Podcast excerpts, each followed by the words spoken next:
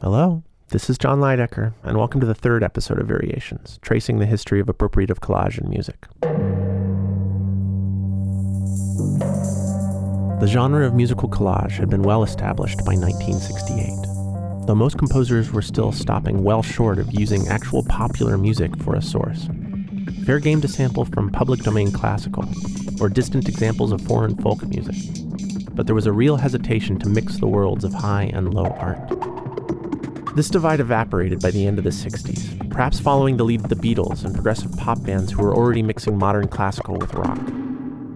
We begin this episode in Paris with a sequence of works created at GRM Studios, the birthplace of musique concrète. Music organized from recorded sounds, such as trains, kitchenware, or a squeaky door. Crossing the line over into using recordings of other works of music, Bernard Parmegiani created two collages, including the film soundtrack Pop'électrique.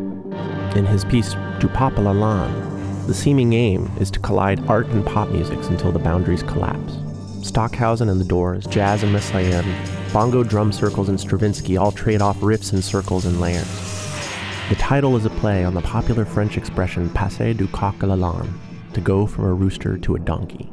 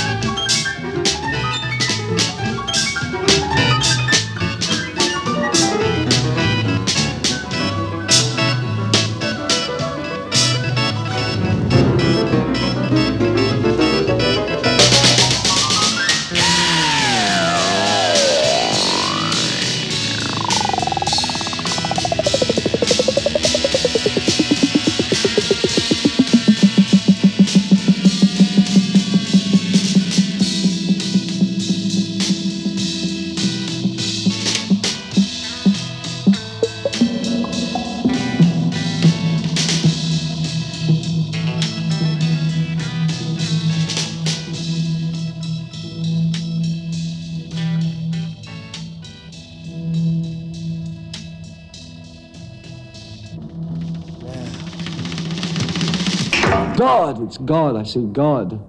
Luc Ferrari's Music Promenade from 1969 was assembled from field recordings of music played in public spaces.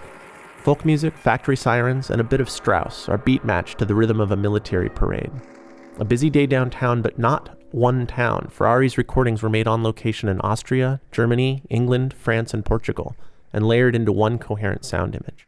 Here's an excerpt from Music Promenade.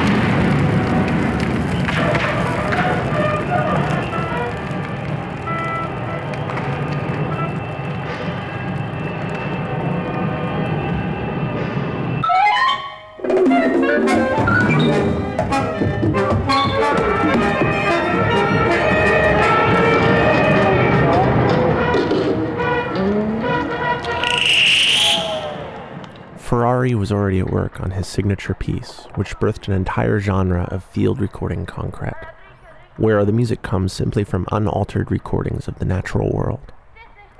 Presque Rien, or Almost Nothing, telescopes the day in the life of a small seaside village down to a 20 minute suite, which evolves in the same way as any abstract piece of music. Music happens when the sounds are left to speak for themselves. Francois Bayle's Solitude begins with a classic illustration of musique concrète.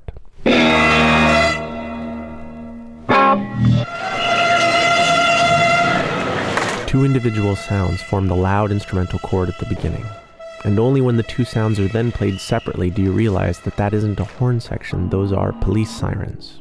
Samples of the rock band The Soft Machine are mixed with field recordings from the 1968 riots in which the left nearly took Paris.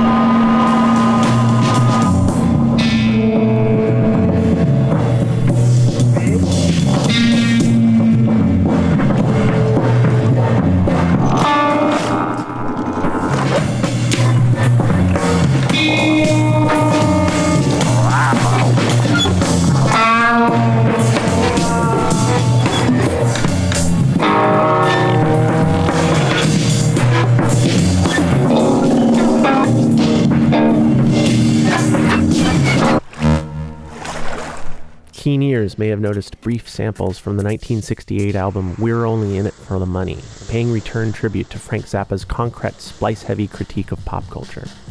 And while I'm not sure if this is intentional, I'd like to hear that opening police siren blast as a concrete cover version of a very familiar sound image given to us by the Beatles. It's even in the same key.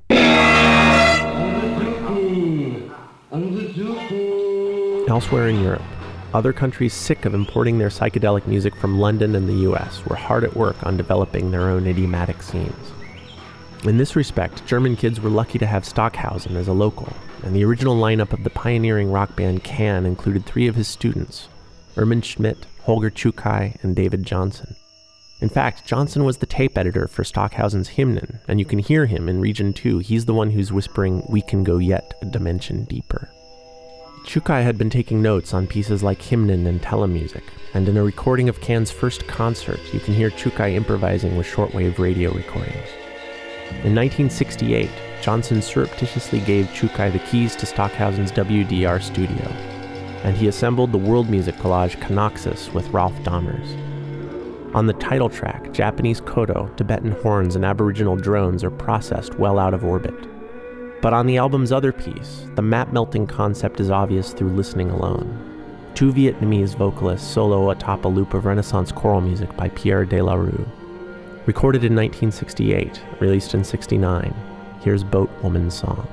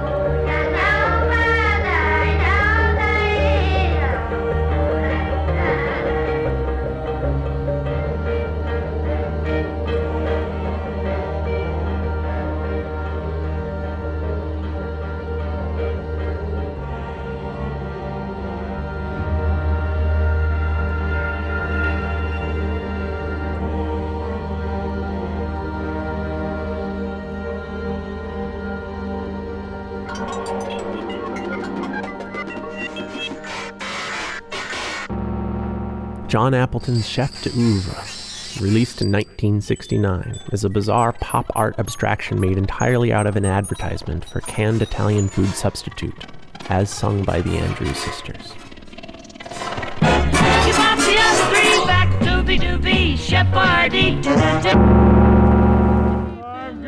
In 1970, Finnish artist J. O. Mallander released the LP Decompositions, a collection of malfunctioning turntable playbacks and loops pressed back onto vinyl. Here's an excerpt from In Reality. I've got, I've got you under my skin. I tried so not to tried so not to give I said to myself, this affair I said to myself, this affair never will go so well.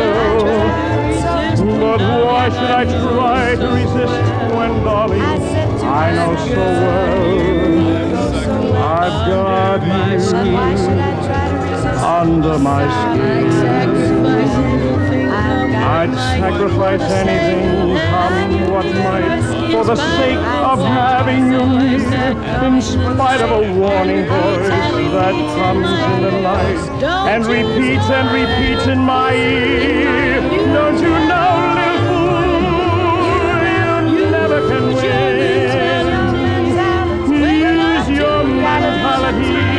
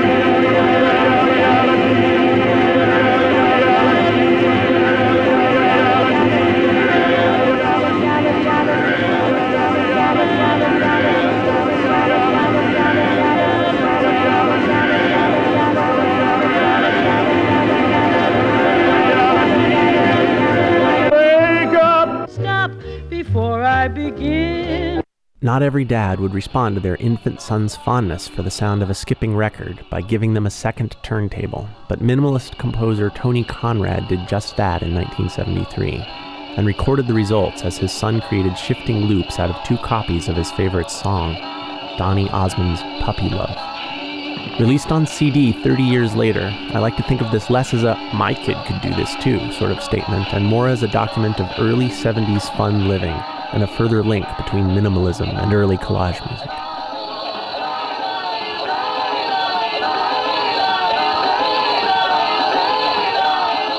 The focus of this series is on music made from recordings, but it's worth noting that by this point, the collage aesthetic was having an impact on composers still working in the medium of sheet music.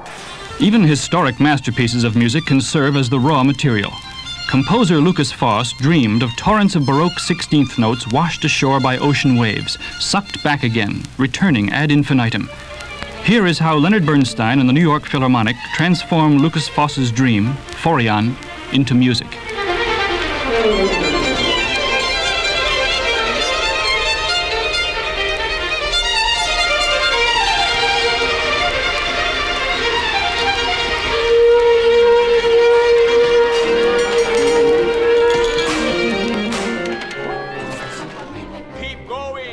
The third movement of Luciano Berio's Sinfonia, in which a section of Mahler's Second Symphony is constantly interrupted by dozens of fragments of pieces by other 20th century composers, creating a patchwork overview of nearly all of the major techniques and advances in modern orchestral art music. They think I'm alive, not in a womb either.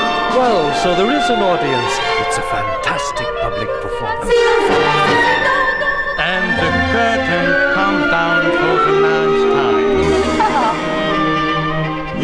You never noticed you were waiting. You were waiting alone. That is a show. Keep going. Do, sol, do, re, mi, fa, sol, la, sol, mi, do, re, mi, fa, sol, fa, sol, si, do, re, mi, do, sol, do, re, mi. I shall say my oldest now. If I Then I shall lived. They think I am alive, either. Even that takes time. Keep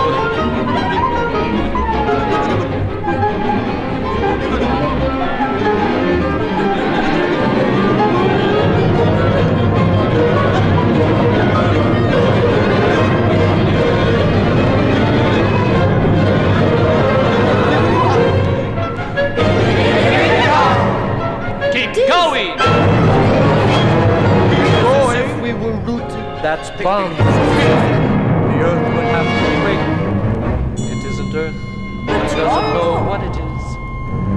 Maybe a kind of competition on the stage. With just eight female dancers and words falling. You don't know where. Where now? Who now? But now I shall say my old lesson if I can remember it. I must not forget this. I have not forgotten it, but I must have said this before since I say it now.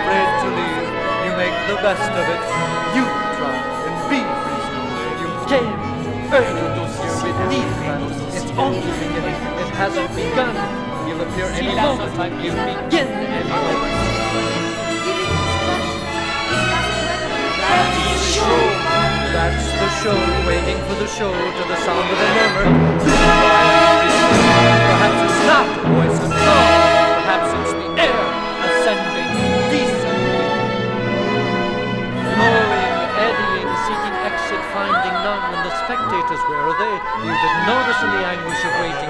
Never noticed you were waiting alone. That is the show for the fools in the palace,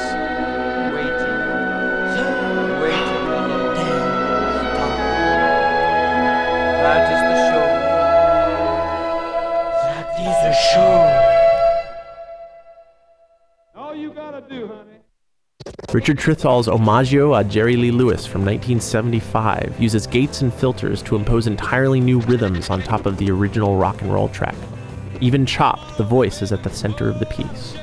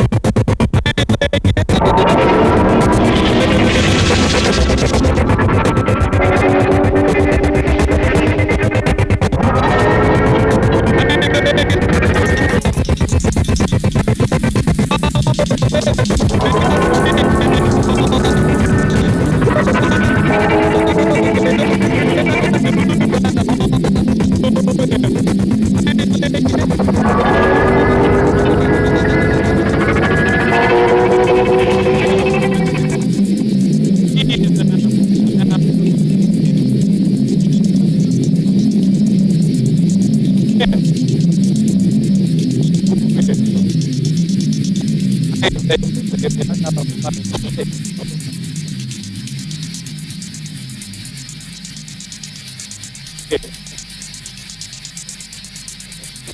you gotta do, honey.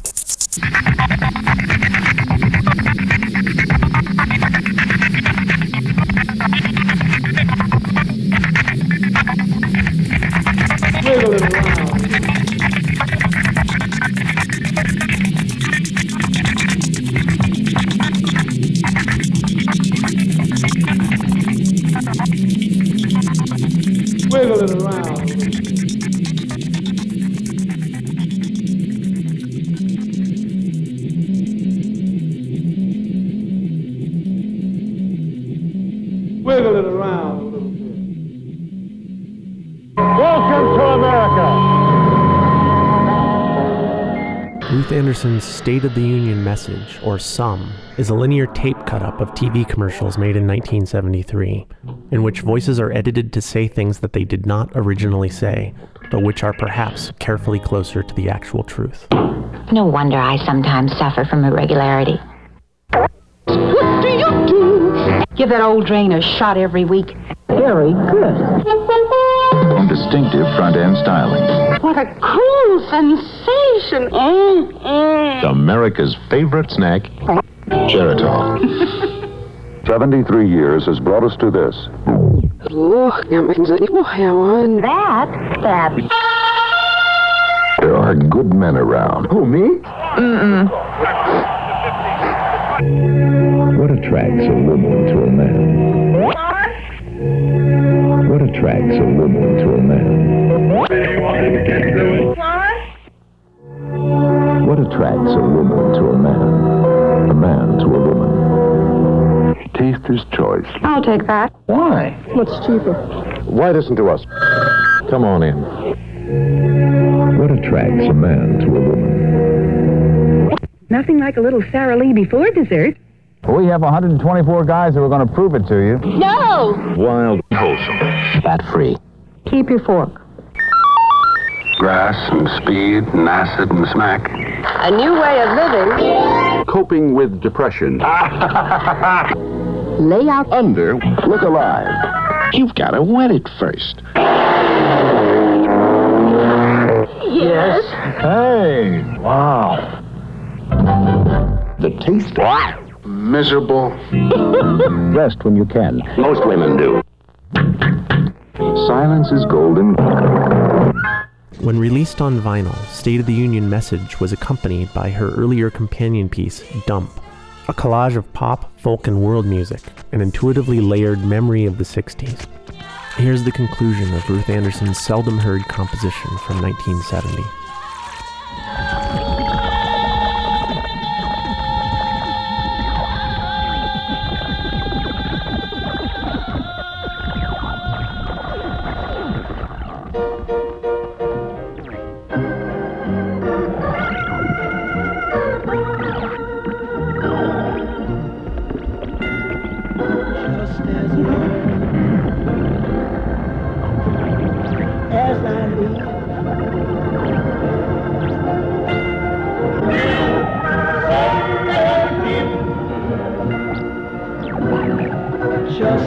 Just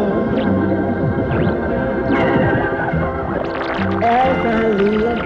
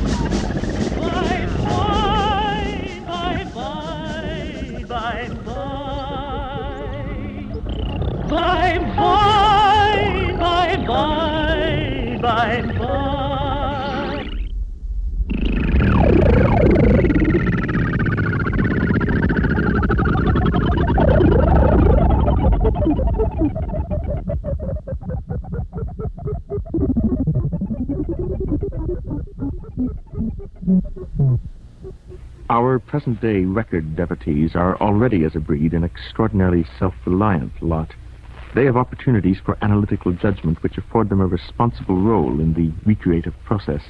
This responsibility exists because of the physical circumstances through which the listener can control and modify the nature of his experience. Forty years ago, the listener had the option of turning the switch which said on and off, and if he had a particularly up to date machine, perhaps modulating the volume just a bit. Today, on the other hand, a quite extraordinary variety of controls are available, all of which are designed to encourage the preferential conditions which the listener can impose upon the performance that he hears. And the quasi-analytical controls that the current hi-fi bug is offered are as nothing when compared to the participational possibilities which the listener will have at his disposal once the current techniques of electronic music have been appropriated by the home listening device. Glenn Gould from his 1965 radio documentary Dialogues on the Prospect of Recording. It dates from shortly before Gould retired from playing piano in public entirely in favor of studio recording. In the accompanying article, Gould defended his use of studio editing. He was less interested in recording as an authentic document of a performance than as an opportunity to create a collage from different takes, using his performances as raw material. He began work on a series of radio documentaries where his approach to mixing was influenced by classical fugue composition. In this excerpt from his portrait of conductor Leopold Stokowski, the examples of music are woven in counterpoint to the content of his subject's voice, sometimes even to the point of drowning it out.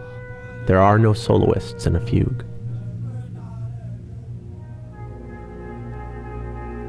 But all countries have their folklore. The United States is rich in folk music of the mountains, of the far west. I hope we shall guard that and guard the spirit inside of it which made it remarkable as melody and harmony and rhythm.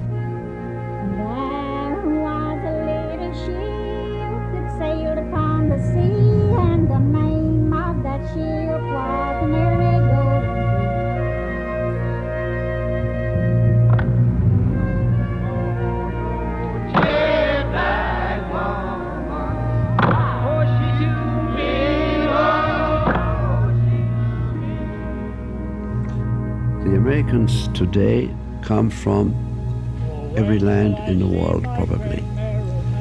And they gradually combine into one more or less clear conception of life.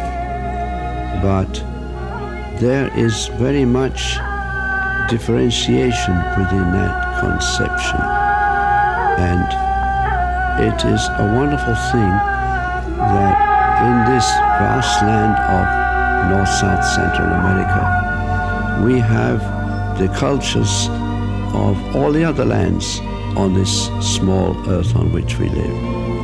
And they are gradually combining and are forming possibly an entirely new conception of life that may take many centuries, but it may be a larger and broader and deeper conception of life.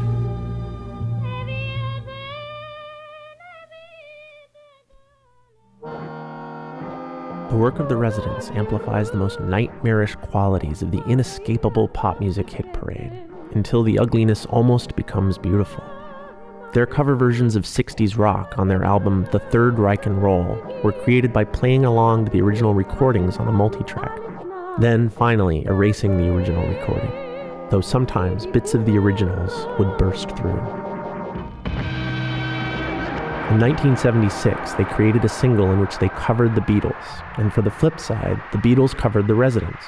Or rather, the Residents warped, looped, and exploded recordings of the Beatles into something that sounded far more like a Residents record than one of their own. Excepting, of course, Revolution Number 9, Beyond the Valley of a Day in the Life.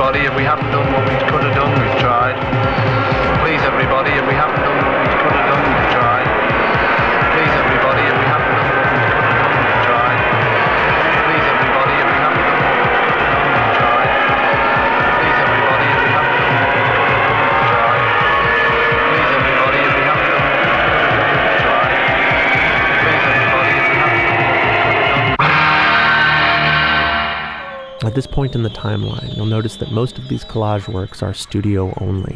But when two members left on the eve of their 1976 tour, English progressive rock band Henry Cow found themselves unable to play any of their rehearsed material. Making use of the BBC archives, they prepared three tapes. One represented the history of musical language from ritual to folk to present day. Another represented the journey from youth to old age, and the final self sampled the entire recorded works of the band itself. Each member controlled the volume of their tapes with foot pedals, allowing them to play the tapes as they played their instruments, reacting to all of the sounds as they heard them, live in Trondheim in 1976.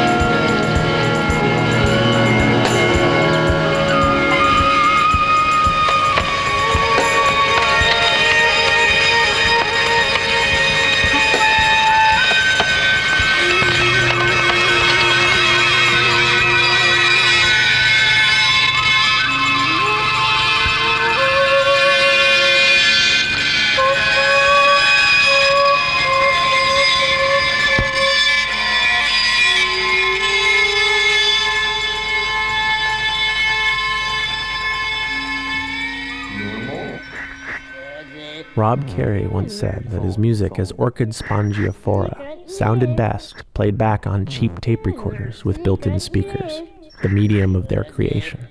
But encountering a piece like Dime Operation in 1978, which was pressed as a 7-inch single, only made these rambling, stuttering text cut-ups seem more inexplicable, especially when they made the rounds of independent record stores during the rise of punk.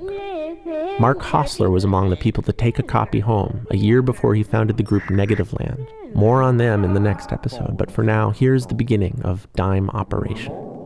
Uh-huh. Maybe you just never caught her. What? Maybe you just never meant to even what? caught her. Uh-huh. Casey at the bat. Casey at the bat. What? Uh-huh. Casey at the bat. Can't eat a yo-yo. What? Can't eat a yo-yo. Can't eat a yo-yo. What? Casey at the bat. Very red. Typo. Can't eat a yo-yo. What? Very red. Blood.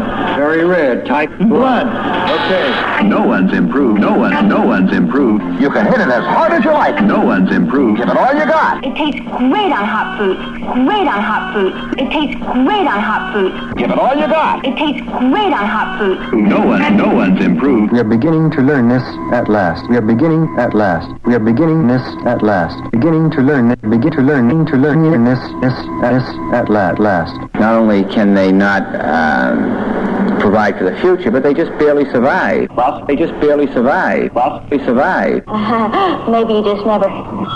Oh, excuse me. Don't talk along. The movie starts at 8.30. Oh, excuse me. Don't talk along. The movie starts at 8.30. What? The movie starts at 8.30. Long, the movie talk along. Oh, don't talk. Oh, excuse Don't talk along. It's at 8.30. The movie starts here. Excuse me. 8.30. Breaking balls and the fork balls and the screw balls and the fork balls and the screw ball. All hoops and the ball. Go from the ball. Gets all hoops and the ball. Go from the ball. Breaking balls and the fork balls and the screw balls. Watch. You got a photographer sneaking out from behind a tree and protected by steel bulkheads. What? You got a photographer sneaking out from behind a steel bulkhead. Fastened to a photographer. You've never heard that before because Nikki doesn't really know that, uh... Can't eat a yo-yo. there's the sporty Camaro. Fastened to a bulkhead. What? A photographer fastened to a steel bulkhead. Fastened to a device from behind a tree. Everybody loves fried chicken. All soggy and smelly. Frozen fried chicken. Even juicy. Paratroopers in full battle gear received unflattering world news coverage. Then they're inserted into these tubes. You know, a lot of people can run naked around the house. From Einstein to isotopes. Begins with the closings of the closing of the pole. With the closings of the closing of the pole. Begins with the closings of the closing of the pole. With the closings of the closing of the Highways and byways, highways and highways and byways, highways and byways, highways and highways and byways and byways. with the closings of the closing of the pole. Give us hell. The carrot thinking slink. Give us hell. The carrot thinking slink. Give us hell. The carrot thinking slink. Thinking slink. Let's squeeze this tissue. Signed confessions from signed confessions from four women caught squeezing. Four women caught squeezing. See Harriet? Tennis shoes, What? Four women caught squeezing. tennis shoes, See Harriet? tennis shoes. See Harriet? See Harriet? And a shock to many. College kids had a, an inventive way of celebrating rights of anything. In my day, it was goldfish raids and panty swallowing. In my day, college kids had a, an inventive way of swallowing. Numbers? Well, I worked in banks. This episode's playlist may suggest that all of the real work in the 70s was being done at the periphery. But if that era's mainstream pop reflected a suddenly conservative world, aspects of collage were still being pushed forward in radical ways in the arena of dance music. In Jamaica, dub music producers' practice of filling the B-side with an instrumental entered abstract territory, using concrete techniques to create new versions of the song that had little to do with the original. And in Manhattan, the developing culture of the discotheque began making an impact on the music. DJ Francis Grasso pioneered the practice of slip cueing, holding a record in place as the turntable continued to spin, allowing the DJ to start a new record directly on the downbeat of the previous one. On his dance floor, the beat never stopped. Then the discovery of Varispeed turntables allowed him to match tempos between songs, crossfading between them. Soon he was juxtaposing entirely different records together for as long as two minutes. His signature mix combined the Latin drum break in Chicago's I'm a Man with the spaced out middle section of Led Zeppelin's Whole Lotta Love, years before congas and moaning became one of the signature sounds of disco. Buying two copies of songs with short drum breaks, DJ Walter Gibbons would use slip cueing to stretch out 12 or 24 second long drum solos into infinity, far beyond what people were used to hearing on record. DJ sets were becoming more like live concerts because it was clear that the DJ was listening back to the audience. Gibbons remixes also pioneered the form of the single track 12 inch single, remaking songs entirely and blurring the line between producer and remixer. The argument that DJs are not musicians because they only play records by other people misses the point. In trying to describe why Larry Levan was a star, many people answered because he knows how to tell a story. the world's rising mountain of pop songs was a world of endless three to six minute long bursts. Each one would reset your concentration. But in 1970s New York, DJs began to assemble these fragments back into long form symphonies that could last for hours. Pushing in the opposite direction was 70s FM radio. As the top 40 splintered into different demographics, radio stations began formatting themselves for specific audiences. Drake Chenault Enterprises were the pioneers of syndicated programming, selling hit playlists and automated DJ sets for every major genre. The station IDs had to grab the attention of the channel surfer with the variety of sounds that listeners could expect to hear. From 1977, here's an interview with their chief engineer, Mark Ford. You can do amazing things. For example, here's a nice drum track, and uh, it's pretty impressive. But if you let it play for a long time, it, uh, I don't know, it sounds kind of shallow, and you might want to have something else uh, occur in it. So we look in the same album from which we got this, uh, this rhythm track, and we find a musical track further in on the album. But uh, trying to synchronize the two together, we find they don't match. One is a little quicker than the other. So you adjust the speed on either one until they both synchronize, and that takes a little time, but you'll develop systems to do it. So we put them together, and then it sounds like this.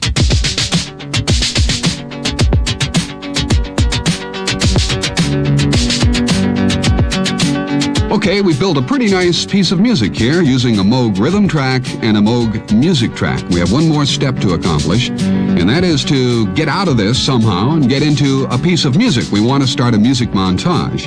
Well, one of the steps we accomplished before putting these two pieces of Moog music together was to synchronize both of them to the introduction of a hit record. And uh, we'll get into that hit record like this.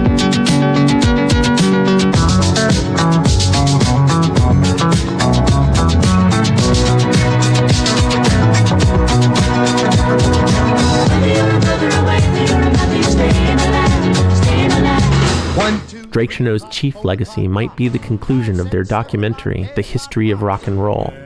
Specifically, the time sweep, which presents several seconds from each number one US hit in chronological order from 1956 to 1981. Scanning 25 years of music in 45 minutes is a can't miss idea, but Mark Ford's editing makes the difference between a great idea and a work of art. Raindrops are falling on my head. Ah! Baby why don't you?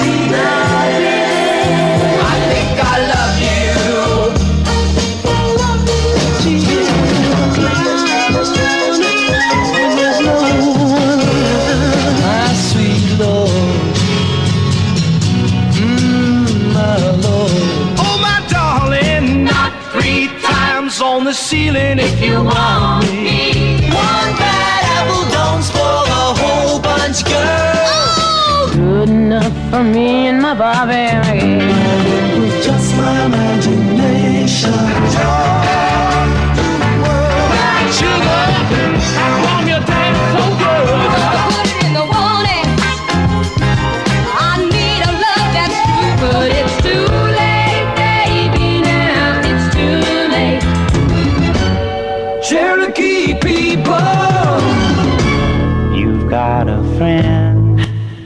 Radio contests that reduced a handful of songs down to microseconds, just long enough to identify the production style, offered prizes to the listener who could identify the songs by their slivers.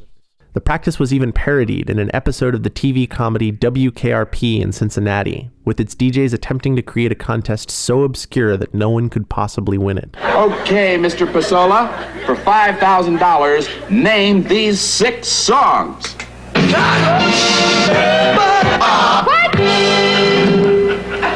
Too wild to tame, the boys. Uh-huh. Double of dice, Rolling Stones. YMCA, Village People. Danke Schoen, Wayne Newton. Straight On by Heart. National Anthem by Francis Scott Key.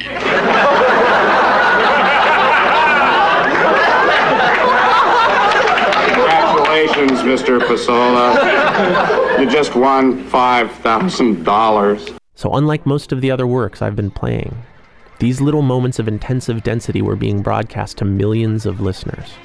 I myself remember hearing these contests and only wishing they went on longer, wondering where the station was that could play music like that all the time. The forces that push the avant garde forward often go invisible in hindsight. Only the people who make their case formally as artists are remembered. But art is a spirit of the age, it comes from everywhere.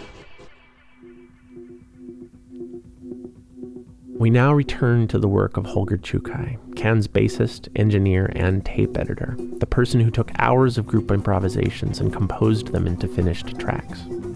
In 1974, when Can bought a 16 channel multi-track, they moved from improvising to laying down songs with parts and added two new players. Replaced on bass by Rosko Gee, Czukay moved to the shortwave radio and Varispeed dictaphone, which he could rhythmically control by using a Morse code tapper as a gate, tapping his sounds rhythmically into the mix, adding vocals and radio sounds from around the world live. Sticking out like a homing beacon on their increasingly conservative albums is the track Animal Ways from 1977.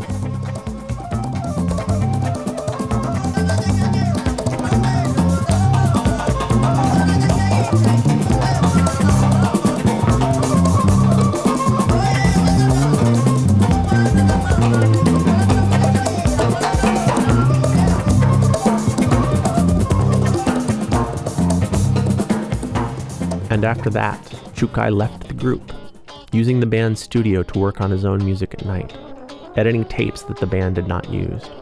And now, filling in the gaps where solos would have been, were meticulously composed and arranged samples, culled from hours of late night shortwave and television recording.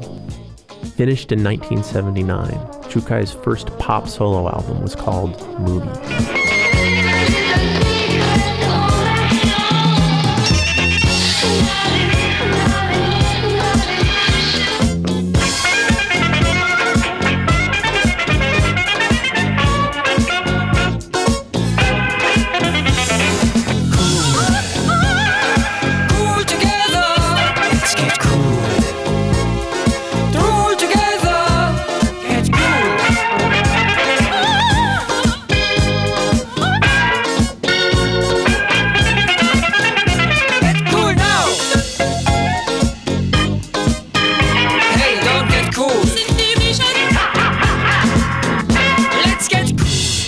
Czukay took the shifting internal rhythms of a Persian vocal line and set them to a Western 2 4 lilt. The result was the centerpiece of the album, Persian Love.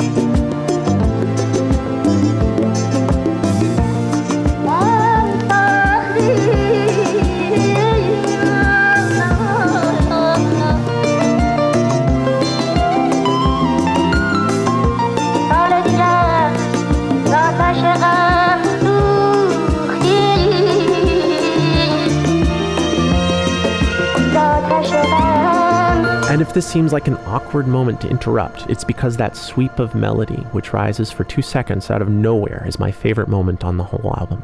Interrupting Persia with a brief curve of Japanese gagaku could seem like a gratuitous moment, but music justifies itself simply by sounding right.